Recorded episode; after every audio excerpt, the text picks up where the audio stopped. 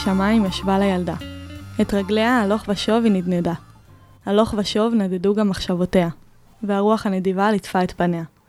בין שנאה ובין טירוף, היא התחילה לשים לב לגוף. היא הרגישה איך החום מתפשט, השכיחה מראשה את כל מה שהיא שונאת.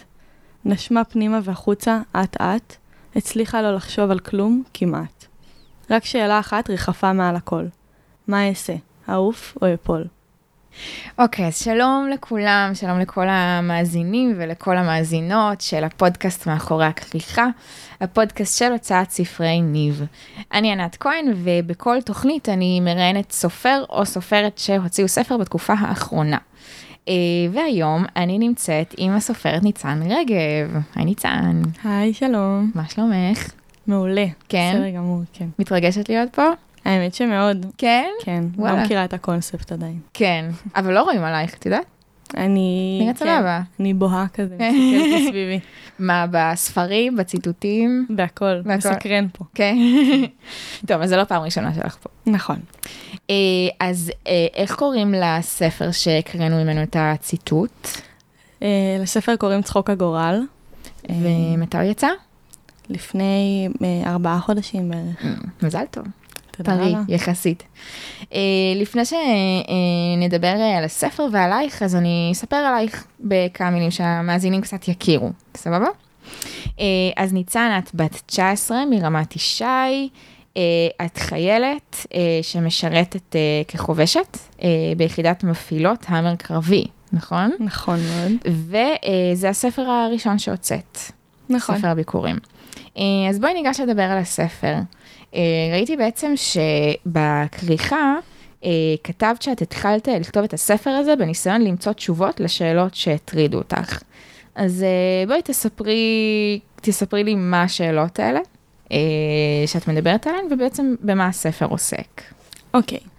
אני אסביר בגדול שבתור התחלה, השאלות הן כאילו, היו שאלות שלא ספציפיות, אלא שאלות לגבי כל מיני דברים בעולם, אה, דברים בחיים שלי, אה, איך הדברים עובדים, איך הזמן מתנהל, כל מיני שאלות כאלה שהעסיקו אותי פתאום באמצע החיים, התחילו, התחילו לי כאילו התקפי חרדה, ובמהלך כל ההתקפי חרדה, ובין לבין כמובן, שזו תחושת חרדה מתמשכת, אז אה, כל הזמן עלו לי שאלות לראש, שלא הצלחתי לענות עליהן באמת. כמו- במהלך ההתקף חרדה? כן, וגם וואו. אחרי, וגם כל הזמן, לפני שאני הולכת לישון, ואיך שאני קמה בבוקר, אני כל היום עסוקה ברגע להרגיע את עצמי, להכניס את עצמי ל- למציאות, לעולם האמיתי, וכאילו, ואני לא מצליחה להבין איך זה הגיוני שמתים, ואיך זה הגיוני שחיים, ואיך זה הגיוני ש... שהזמן רץ, וכל מיני שאלות שכאילו, אני מניחה שאנשים דנים בהם הרבה, אבל ברגע שזה מגיע אליך, אז כאילו פתאום זה, וואו, זה מטורף. שאלות קיומיות. כן, אוקיי. ממש. ובעצם מה שהיה זה, זה שהתחלתי לכתוב איזשהו קטע אה, נורא כללי כזה על, על כדור הארץ ועל אה, דברים נורא כאילו, נורא מעשיים, פרקטיים על, אה, על המשקל שלו ועל אה, איך שהוא עובד, ואז פתאום הראש שלי לקח אותי כאילו לגמרי לכיוון אחר, ו, והתחלתי לדמיין כאילו איזושהי ילדה כזאת שיושבת ומביטה על הכל, והיא בעצם הגורל, כאילו, כמו שקוראים לזה. היא הגורל בעצמה. היא אוקיי. הגורל בעצמה. אוקיי, אז איך זה עובד? אמ, אז בעצם הקטע הראשון של הספר, בפרולוג, ממש בפתיחה שלו, זה כאילו מסביר, מסביר בגדול את מה שעבר לי בראש, שזה פשוט ילדה שמתנדנדת מעל העולם, אה, היא הגורל, היא קובעת אה, על מי היא רוצה להפיל טיפה של מזל היום, על מי היא רוצה אה, להפיל בשורה רעה, ו, וכאילו זה עד כדי כך פשוט. היא אלוהים? היא- היא הגורל. היא הגורל. היא הגורל, אוקיי, מעניין. כן. זה, ר, אני יכולה לשאול שאלה טיפה, לא כזה אישית, אבל אה, את מאמינה באלוהים? אני לא. לא. לא. ובגורל? אני מאמינה בגורל, אני מאמינה ב, בד, כאילו בהשתלבות של גורל ושל של שאנחנו לוקחים את הגורל. Mm. זה, זה חלק, כאילו, זה הרוב מה שהספר מדבר עליו. על בחירות שניתנו לאנשים בסיטואציות מסוימות, והם החליטו את השביל שהם לוקחים איתם. כאילו, זה לא... זאת אומרת, נגיד ההזדמנות ניתנה להם, אבל הבחירה אם לנצל אותה או לא היא שלהם. כן. אוקיי. את רוצה לתת דוגמה? Um, יש, יש הרבה דברים. Uh, דמות uh, בשם עודד, uh, זה נער בין, הוא נע בין 17 ל-18 כזה בספר, 16 אפילו יש לו. אמ, ומה שקורה לו זה שאבא שלו מתאבד, אה, אימא שלו נפטרה כשהוא היה קטן, וכאילו נסיבות החיים, את יודעת. והוא החליט לאן לקחת את זה, אמ, עם כמה שזה נשמע אה, קלישאתי, אבל אה, בעצם הוא הצליח, הוא הצליח כאילו איכשהו לבנות את עצמו מתוך איזשהו קושי, ובעצם כל דמות היא קושי, שמתחילה בקושי נורא גדול, כל אחת עם, ה, עם הסיבה שלה והסיפור שלה, וכמעט תמיד בסוף הפרק היא מוצאת איזושהי, איזושהי נחמה כזאת ואיזושהי דרך לצאת החוצה. בעצם באמת הספר מורכב מ, אה, מ, מ, מהדמויות שבו, נכון? יש כן. כמה דמויות מרכזיות שבעצם בעצם, אה, כל דמות מספרת איזשהו סיפור, אם הבנתי נכון? כן, כל דמות יש לה ממש את הסיפור חיים שלה, אה, לא בהכרח קשור לדמות הקודמת אה, מבחינת הסיפור עצמו, אבל מה שמקשר ביניהם זה שהפגישה שלהם, זאת אומרת, אה, הדמות הראשונה פוגשת את הדמות אחריה, ואז עוברים לדמות השנייה. אה, אוקיי, מדמות לדמות. כן, אוקיי, וגם אמרת לי מקודם שזה בעצם ביחד הן יוצרות תמונה שלמה, נכון? כן. תמונה שהיא לא, שוב, זה לא עניין של עלילה, כאילו קצת, יש שם איזה קאץ' בסוף שאני אני לא Mm. אגלה, אוקיי. אבל uh, זה גם פשוט עניין של, של הגורל, ושל הצטרפויות מקרים, ושל איך, כאילו, איך בסוף הכל, uh, הכל נופל עלינו מלמעלה, ואנחנו מחליטים מה לעשות עם זה, וזאת כאילו התמונה הגדולה שאני מנסה ליצור. שיש גם איזושהי תמונה, כאילו ליטרלי, כן. ציור כזה שאת כאילו מצי... לא, לא את ציירת, נכון? אבל, לא, אה, חברה צעירה. חברה, מפרק לפרק, זה כזה כל פעם מתווסף משהו על הציור הקודם, נכון? נכון. ואז בסוף מורכבת התמונה השלמה, בדמות נכון. האחרונה. כן, זה ממש יותר המחשה של הרעיון הזה, של, אה, של איך כל דמות מוסיפה לדמות אחריה, ואז יש לנו תמונה גדולה. זה ממש... מעניין. Um, אם זה בסדר מבחינתך, אני רוצה לשאול אותך um, משהו טיפה יותר אישי. Um, לא כולם חוו התקף חרדה בחיים שלהם. את רוצה לתאר איך זה מרגיש? אה, האמת שאין בעיה. כי אוקיי. גם בספר מתואר איך זה מרגיש. וואלה. כן, יש פרק אחד שהוא עליי ממש על הרעיון הזה. קודם כל, עכשיו פתאום אה, בעולם הזה, אני לא יודעת מה נסגר, כמעט ואין בן אדם שאני מכירה שלא חווה לפחות פעם אחת התקף חרדה, אבל כשזה נופל, כשזה נופל עליי, כשזה נופל עליך באופן אישי בחיים שלך, פתאום אתה מבין את הגודל של זה, זה כבר לא כותרת.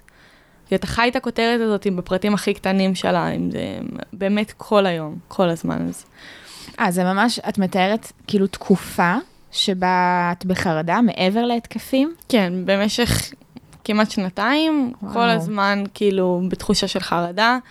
אה, מתגבר אה, עם תנאי מזג האוויר, אני תמיד זוכרת שבחורף היה לי הרבה הרבה הרבה יותר קשה. וואו. בעצם הרעיון עצמו של ההתקף חרדה זה ש... לא יודעת, אני פתאום מרגישה איזה תחושה של כאב במקום מסוים בגוף, או משהו כזה, ואז אני נורא נכנסת ללחץ מזה. לחץ שאני לא מצליחה להסביר, ו- ופתאום פתאום גם דברים עולים לי לראש מבחינת מחשבות של מה אני אעשה עכשיו, ואם אני אמות, ואם אני, כאילו זה נורא נע סביב העניין הזה של מוות ושל אה, זה. והתסמינים עצמם זה בעצם הכל לפי הספר עם הדפיקות לב המועצות, והלחץ אה, בחזה, ולא מצליחה לנשום כמו שצריך, לא מצליחה להירגע, נורא תזוזיתית, מרגישה פשוט מנותקת מהמציאות. כאילו, זה לא... מרגישה ממש מרחפת. ו... אה, את מרגישה מרחפת? כן, היה פה איזה משהו? כן, בציטוט הראשון. בציטוט הראשון, מה היה? היה משהו, רגע. ריחפה מעל הכל. נכון, ר- אה, רק שאלה אחת, ריחפה מעל הכל, מה אעשה, אעוף או אפול? כן. שזאת השאלה שגם עולה בזמן ההתקף? כן, היה לי רגעים שאמרתי לעצמי, כאילו, לא, לא כזה בדרמטיות, אבל כאילו, למה זה שווה להיות פה? כאילו, למה? ואז זה בעצם הלעוף או ליפול הזה, ש, שכאילו, לעוף זה לכתוב ספר, ולהוציא מזה משהו מטורף, וליפול זה לוותר. ו...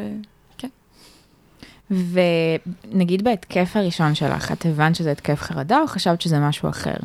Uh, מעניין הפעם הראשונה שלי. הייתה לי חברה שהיה לה הרבה התקפי חרדה, אז כזה הכרתי את התחום. אני טסתי חזרה לבד מספרד לישראל, והייתי במטוס, לבד בטיסת לילה, ונרדמתי, ואז כשהתעוררתי, אז מין כזה, מכירה את זה שאת מתעוררת ואת כזה, לא, עוד לא הספקת להתאפס, להבין איפה את, מי. את, מה נסגר. כל פעם. זהו. כן. אז ממש ככה, כאילו, נרדמתי, היו לידי שני אנשים שאני לא מכירה, התעוררתי וממש בבהלה מטורפת, כאילו פתאום לא קלטתי איפה אני, ו, ונורא נלחצתי. אה, רצתי ל... כאילו ראיתי שאני לא מצליחה לנשום, רצתי לדייל, הוא ישב מסכן, ממש הפרעתי לו, ואמרתי לו, excuse me, I, I'm thinking, I'm think I have a panic attack, כאילו ממש אה, כאילו... אז ישר כן, חשבת שזה זה. כן, אוקיי. והוא פשוט ישב איתי לכל האורך של, הטיסה, ודיבר איתי, ותוך כדי כאילו כאבי חמוד. בטן עולים, ואני הולכת לשירותים, אני כאילו, וואו, ממש אה, סיוט. פתחתי את. הטלפון בלי אינטרנט, אבל הסתכלתי על תמונות מפעם, לנסות. כאילו, משהו שיאזן אותי רגע. כאילו רגע חזרה למציאות שלך, כן. לחיים. אחד הדברים שממש עזרו לי, להיות בטלפון אה, וואלה, בתמונות, ברגעים אמיתיים. מעניין. כן. ואיך את יוצאת מזה? קודם כל, התקף חרדה, לפי מחקרים, לפי מה שאני יודעת, הוא בערך עשר דקות. ההתקף עצמו, התחושה של החרדה אחרי זה שמלווה, אני לא יצאתי ממנה, כאילו שנתיים ברצף. אבל כל פעם שאני יוצאת מזה, אז כן, גם אה, אימא שלי, גם חבר שלי נורא, כאילו ידעו לאזן אותי, ידעו לאפס אותי. באמת נטו עניין של לדבר רגע על, על כאילו על איפה אני, מה אני, להאחז במציאות שנייה, ו, וכאילו והדברים עוברים לבד, אבל uh, בגדול תחושת חרדה תמיד נמצאת. וזה משהו ש... שאת מטפלת בו? זה משהו שטיפלתי בו, okay. עכשיו כבר אה, אין לי, כאילו כבר כמעט שנה שלא חוויתי התקף חרדה, שזה אה, מטורף. זה יופי, מדהים. כן, אה, גם הספר מאוד עזר לי, כאילו, גם הכתיבה.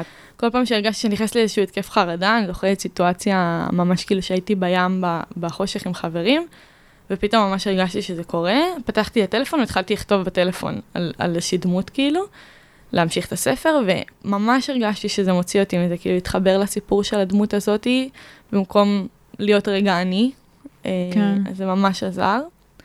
אבל אה, עברתי גם טיפול כאילו אמיתי אה, בשיטת אור הגולן. אה, מה זה? מכירה? לא מכירה. אה, זה נטרול חסמים רגשיים, קוראים לזה, זה קצת אה, היה נשמע לי נורא מוזר בהתחלה, גם רציתי לעזוב באמצע. אני עד היום לא יודעת איך זה עבד, או מה בדיוק הלך שם, אבל אני פשוט לוקחת את זה. אה, כנראה שזה עבד, כן, ממש. מדהים. כן. אמרת כאילו דברים uh, מעניינים. אמרת שבעצם, נגיד אז כשזה קרה בטיסה, אז את התמקדת ב, במציאות שלך, נכון? ובחיים, בלראות תמונות, וזה עזר לך קצת להתפקס. אבל נגיד מה שקרה לך בים, אז את דווקא כתבת על דמות אחרת, ורגע יצאת מתוך עצמך.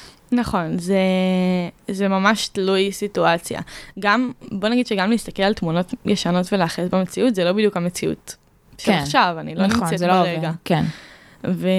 וגם העניין של הדמות, זה כאילו, פשוט היה רגע להיכנס לבעיות של מישהו אחר. Mm. אה, ו... ולראות תמונות זה להיכנס ל... לרגשות שלי של פעם. זה כאילו, אני כן יכולה איכשהו לראות את הדמיון ביניהם. כן, כן. Um, אז בעצם את התחלת לכתוב בעקבות ההתקפי חרדה? כן, ממש אה, במהלך התקף חרדה, כאילו... אז, ב... לא אז בים. לא, הייתי ביוון, במיקונוס עם המשפחה, בשיא ה- שיא החרדה שהייתה לי בחיים, לא, כאילו לא הסכמתי לאכול ולשתות מרוב וואו. שפחדתי שאני מכניסה לעצמי דברים לגוף ויהיה בהם משהו. וואו. ואז ביקשתי ממא שלי לקנות לי מחברת, אה, כזאת מחברת יפה עם העין של מיקונוס. מהמם. אה, ופשוט התחלתי לכתוב באמת הקטע הראשון על כל העניין עם כדור הארץ, וממש אה, לא, הראיתי את זה לאימא שלי, גם אחרי זה למשפחה שלי, והם נורא נורא התלהבו. וואלה. כן, וגם אני התלהבתי, ופשוט לא הפסיקו לעלות לי רעיונות בהתחלה. אחרי זה וואו. כבר הפך להיות קצת יותר קשה להזרים את הכתיבה, אבל אה, בעצם את, את התחלת לכתוב ממחשבה לכתוב ספר? אז לא. לא, לא. אז איך עלה הרעיון לספר? Uh, זהו, אז באמת בגלל ההתלהבות שנוצרה סביב הקטע הזה, וגם אחרי זה פתאום עלה לי רעיון לדמות מסוימת, וראיתי כבר שזה מתחיל להיבנות לשם, ו- וזה נורא העליב אותי שמשהו עוזר לי גם, uh, אז אמרתי בוא נפתח את זה, בוא נמשיך עם זה. כי אולי בכל- זה, זה משהו טיפולי. Uh, מאוד, כן. העניין הזה של להיכנס באמת לחיים של מישהו אחר לרגע. ואחרי שכבר, את יודעת, אחרי שאת משקיעה בזה קצת יותר מהזמן שלך ויותר מהמחשבה שלך, את כבר- אומרת, בואו נעשה עם זה משהו, בא לי לראות את זה מאוגד ביחד עם איזה כריכה יפה. מגניב. ואז כבר לאט לאט נבנה הרעיון של ספר באמת. ומה נותן לך השראה לכתיבה? האמת שגם לקרוא ספרים אחרים, מה למשל, איזה ספרים נתנו לך השראה? אני אוהבת את הספרים של חיים שפירא מאוד, בדולינה של גבי ניצן. פעם כאילו קראתי גם את הסיפל קיים, גם היה כאילו כל מיני ספרים שפשוט נותנים לך קצת יותר לצאת מהקו מחשבה, אבל אז, ואז הרעיון שאני לא הולכת לקו מחשבה שלהם, אני פתאום מוצאת לעצמי כאילו רעיון אחר לגמרי. אבל זה פשוט דברים שפותחים לך יותר את הראש מאשר לראות טלוויזיה עכשיו, כן. וכאילו באמת משהו שהוא פחות, אה, יותר מנוון כזה. ומעבר לספרים? סיטואציות. אה, היה לי, סתם סיפור כאילו מעניין קצת.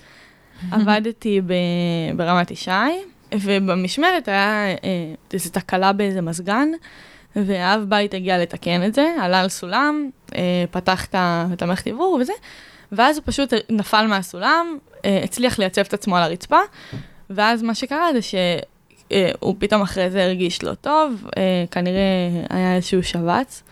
אה, כן, ואז אה, הוא פונה לבית חולים וגילו לו שהיה לו גידול במוח, ואם הוא לא היה נופל ומקבל שבץ, הוא לא היה מגלה את זה. וואו, אז כאילו הייתי כאילו, וואו, אין, כאילו, וואו, מטורף. ממש. אה, לקחתי את זה ממש לכיוון של, של, של הגורל, ושל איך Mm. הצטרפויות מקרים, ואיך איך בעצם יצא מזה משהו טוב. אין, אין פה ספק, הוא אחרת לא היה מגלה את זה, וזה נכון. מטורף לגמרי. אז את חושבת שהחרדה ש... שהופיעה בחיים שלך, זה גם אה, גורל, וגם יכול לצאת מזה משהו טוב? בדיעבד כן. שעכשיו אחרי הטיפולים שזה נגמר לי, אז כן, אז לא באמת ראיתי בזה משהו חיובי. כן, תמיד אנשים אמרו לי, הנה יוצא מזה משהו טוב, אבל לא, אי אפשר לראות את זה. זה לא... כן, כשאת בתוך זה. אז היום את רואה את זה כמשהו טוב. היום אני רואה את זה כמשהו טוב, משהו מעניין. יצא לי המון מחשבות מעניינות מהדבר הזה. Mm. כאילו הקו מחשבה שלך השתנה, כאילו איך שאת רואה את העולם. לגמרי. זה... אחרי, כאילו, אחרי שראיתי את העולם כמקום נורא נורא מפחיד, אז זה ממש כיף לגלות אותו מחדש, שהוא, שהוא יפה וכיפי גם, וכאילו... ויש מלא אפשרויות, ו... ולגלות אותו מחדש. היית רוצה לקרוא איזה קטע קצר, מעבר למה. שקראנו בהתחלה? יאללה. טוב, אני מקריאה אה, קטע לא מתוך דמות, זה יש לי בין הדמויות קטעים כאלה שמרחפים מעל העלילה, דברים שפחות Mm. אה, לא ממש שדמות אומרת. גם, פשוט קטע ש, שמשהו שחשבתי עליו, שאמרתי, אם זה היה יכול להיות ככה, זה היה מטורף לגמרי. אה, הקטע הזה בא אחרי דמות אה, שהיא נורא מרגישה שהחיים קורים לה כזה, שהיא, שהיא זזה נורא מהר, אבל בעצם לא מגיעה לשום מקום שהיא רוצה, שפשוט הדברים קורים מעצמם והיא לא שולטת בחיים שלה מספיק. אז אני אקריא. יאללה. ומה אם יום אחד תתעוררו ותגלו שהכל, אבל ממש הכל בראש שלכם.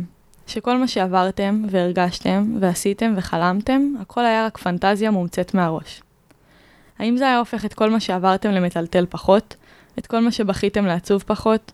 את כל מה שחייכתם לשמח פחות?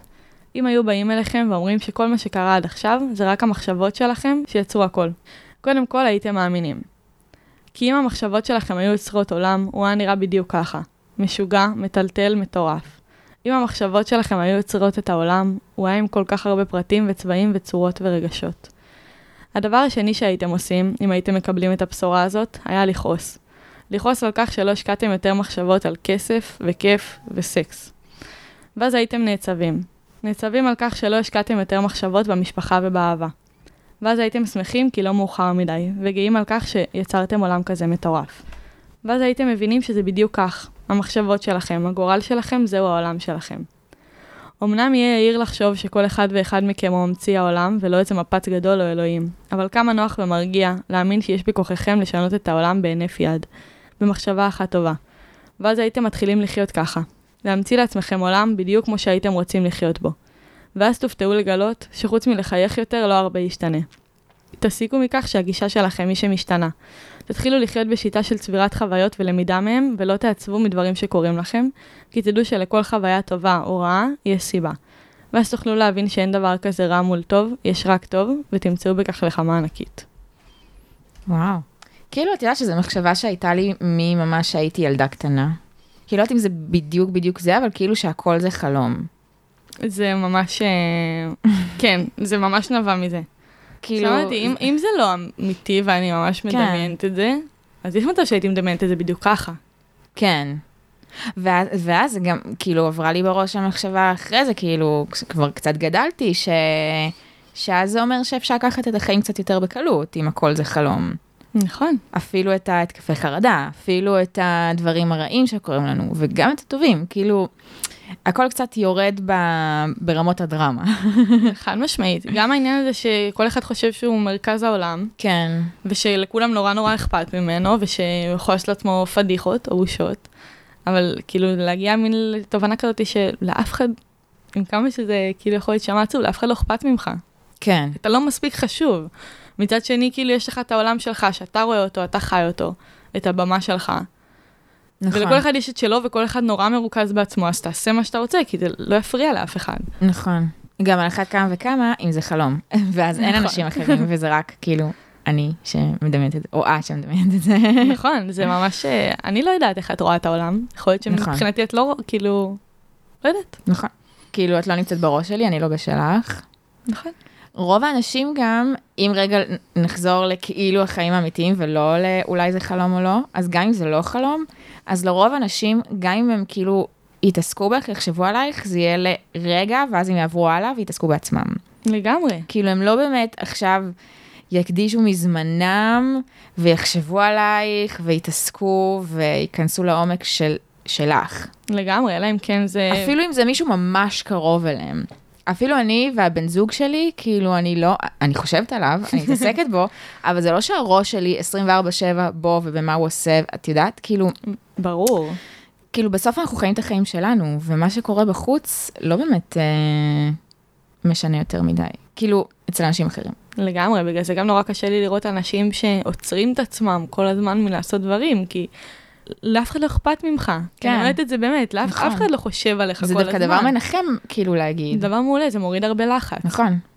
אז לך לא היו אה, פחדים של אה, אה, מה יחשבו כשאני אוציא את הספר, מה יחשבו עליי, יחש- כאילו, דעתם תשתנה עליי. אני בן אדם ממש כאילו, פתוח. אני אכניס אותם לראש שלי. אני, אני ממש פתוחה. אי אפשר להגיד שכאילו זה קצת אמיץ להוציא ספר, אבל קצת פחדני להוציא ספר שמדובר בדמויות אחרות. כאילו, אני מדברת דרך אנשים אחרים. אני לא זה מדברת זה. דרך עצמי. אבל זה את מדברת. כן, אבל אני יכולה, לא יודעת, להגיד שזה סיפור של מישהו. נכון. אבל תראי, לפני uh, כמה ימים ראיינתי את uh, קובי סימן טוב, זה הספר שלו, היו ימים יפים בפלוגה, שזה ספר לגמרי הומוריסטי, אין שם uh, קטעים uh, יותר מדי קשים, יש קצת, אבל גם הם מתובלים בהומור, והוא אמר לי שההורים שלו לא קראו את זה, כי הוא כאילו אומר, זה לא אני כתבתי, כתבתי על אנשים אחרים, אבל עדיין אני מכניס אותם לראש שלי. וקשה לי שההורים שלי יקראו דברים מסוימים וייחשפו עד הסוף לדרך החשיבה שלי, מבינה? אני מבינה, אני גם מתחברת קצת, גם אני חושבת שבספר יש לי נגיד קטע, אמרתי, שני פרקים על חבר שלי ופרק אחד עליי, ואני גם מדברת שם על, על האהבה שלנו, ו- וזה כאילו דברים שנורא הביכו אותי, שאולי חברים שלו פתאום יקראו, Mm. ואולי פתאום ההורים שלי וההורים שלו, וזה נראה לי מוזר.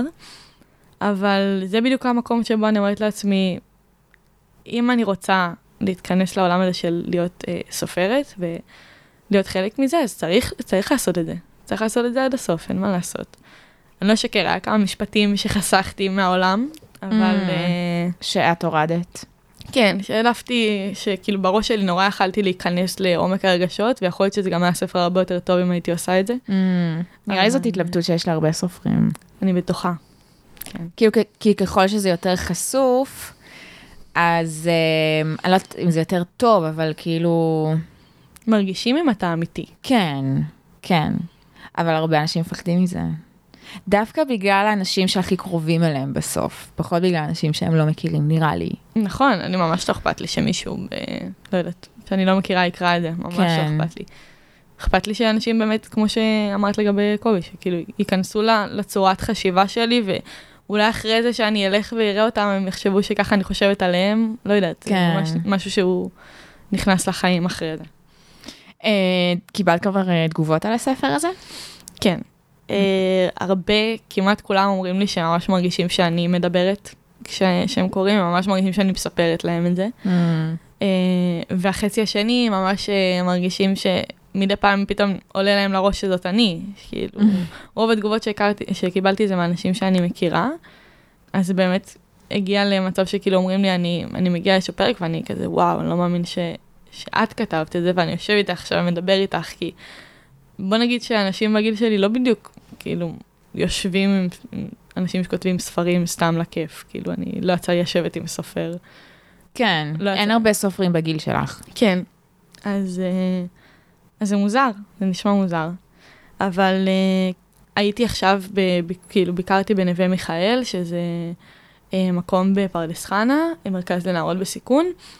אה, מישהי שעובדת שם, חברה של דודה שלי, אז אה, היא קיבלה עותק. אה, קראה אותו, והיא נורא הרגישה את הסיפור של, ה, של הבנות במרכז דרך ה, הספר. וואו. אז אה, היא הזמינה, היא הזמינה אותי, ובאתי גם עם, עם עופר, עם חבר שלי, והגענו לשם. ממש חשבתי שאני, לא יודעת, הבאתי פעילות לעשות. ואז הגעתי ואני רואה אותם שוכבות בסלון כזה, כזה, מה זה לא בראש. אז הבנתי את הכיוון, התיישבתי איתם כאילו במעגל, התיישבנו שם, התחלנו לדבר איתם, סתם, להציג את עצמי והכל. ישבנו שם במשך שעה וחצי והם הקשיבו. וואו, ו- מדהים. כן, והבנתי אחרי זה שזה לא אופייני. ש... שאם הם לא היו רוצות להיות שם, הם לא היו שם. תפסת אותן. כן, אני לא יודעת מה בדיוק, אבל uh, גם הפרשי גילאים, זה הרבה יותר נוח לדבר עם מישהי, כאילו, הייתי, הם בנות 15, אז כאילו כמעט כזה... כן. קרובות בגיל, נכון. כן. אבל כנראה שלא רק הגיל, כנראה שגם משהו בתוכן, ובך מאוד דיבר אליהן. דיברתי בגובה העיניים לגמרי, לא באתי להרצות על שום דבר, באתי מהמם. לספר, ונורא רציתי גם שהם יספרו, וחלק באמת אה, שיתפו, אחת מהם אפילו אמרה שהיא כתבה. אה, אה, ספר, לא, וואלה. לא ספר שהיא הוציאה לאור, אבל ספר שהיא ממש הגדה כזה יפה. מגניב. כן, וואו, מדהים. מטורף. היית רוצה לעשות עוד אה, דברים כאלה? כאילו לדבר ל... את יודעת, כל מיני מעגלים כזה?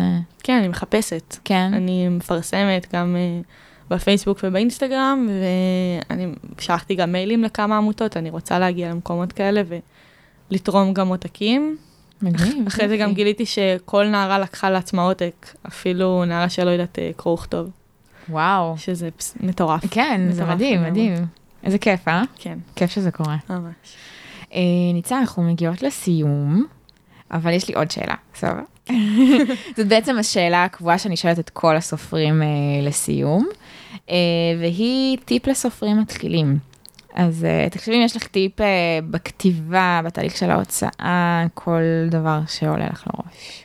קודם כל, אני חושבת שאני נורא אהבתי לקבל ביקורת תוך כדי הכתיבה.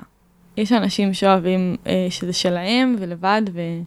והם אה, היחידים שמכירים את הסיפור עד שהוא לא יוצא, אבל אני מאוד אהבתי לקבל אה, עצות לגבי מה אנשים הרגישו ממני לגבי מה שכתבתי. זאת אומרת, כתבתי קטע, נתתי לאיזה חברה שתיים לקרוא, לאימא שלי, למשפחה, ורציתי לקבל מהם באמת פידבק אה, ממש ניטרלי על מה, מה הם קיבלו ממני. אם העברתי מה שאני רציתי, אפילו בלי לספר להם מה רציתי. אה, אז זה משהו שממש עזר לי. וגם העניין של המימון אה, המונים. עשית, כן. אוקיי. אה, אז בואי ספרי על זה קצת, כי לא דיברנו על זה בכלל. סגור. זה מעניין. אז עשיתי באמת מימון המונים דרך אה, הוק. אה, הוא כשזה בעצם אה, כאילו... חברת בת של ספרנים. כן. אז זה גם היה מטורף מההתחלה, להגיע לפה, להרגיש בן אדם רציני כזה. ואז התחלנו באמת את התהליך אה, עם אה, טל ומיטל, של כל העניין של אה, ליצור קהילה ברשתות החברתיות והכל.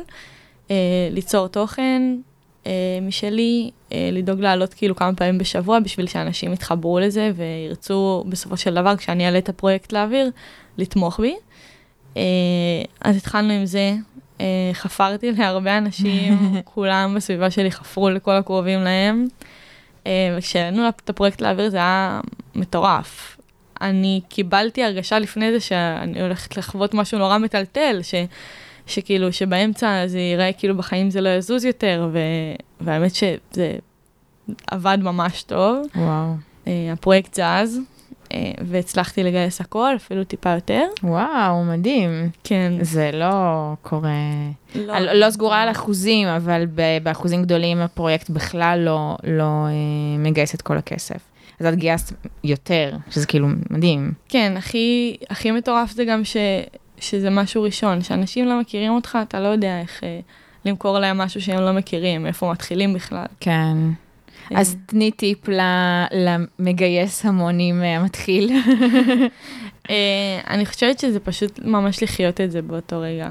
להיות כל כולך בתוך זה. לי היה קצת קשה כי הייתי בצבא, אז גם אנשים שקרובים אליי עזרו לי ממש לנהל את זה, אבל אני חושבת שצריך לבחור את התקופה הנכונה בשבילך, שתוכל לגמרי להיות בתוך זה ולחיות את זה, וזה גם ביום-יום, אם זה... פתאום להיות קצת יותר נחמד לאנשים, לא יודעת, אה, כן, לדבר עם אנשים שלא יצא לך לדבר איתם עד עכשיו. אז זה ממש אה, לחיות את זה. מגניב. אה, ואיפה אפשר לקנות את הספר? כרגע זה דרכי, עוד לא נכנס לחנויות. פתחתי איזה לינק כזה, אתר קטן, וגם יש אתרים ש... ספרי ניב העלו אליהם? לא כן, אה, אני חושבת שזה בכל החנויות הדיגיטליות. כן. אה, בעברית, אה, בי-בוקס, אם אני לא טועה. וגם נשים לינק לאתר שלך, דף נחיתה, נכון? כן. מעולה, נשים לינק. את רוצה גם שנגיד את הטלפון שלך? אפשר. אוקיי. 054-465-7776. מעולה, אז גם נכתוב אותו, גם בטור של הפרק. טוב, ניצן, היה ממש מעניין. תודה. איך היה לך? אה, מעולה. כן? כן, הרגשתי שזה... שאמרתי את הדברים ש... שבא לי להגיד. מגניב, מגניב. גם בספר כנראה, נכון? וגם ברעיון. כן, לגמרי. אה, אז ניצן רגב, אה, עם הספר צחוק הגורל, אה, המון תודה ובהצלחה. תודה. ביי ביי.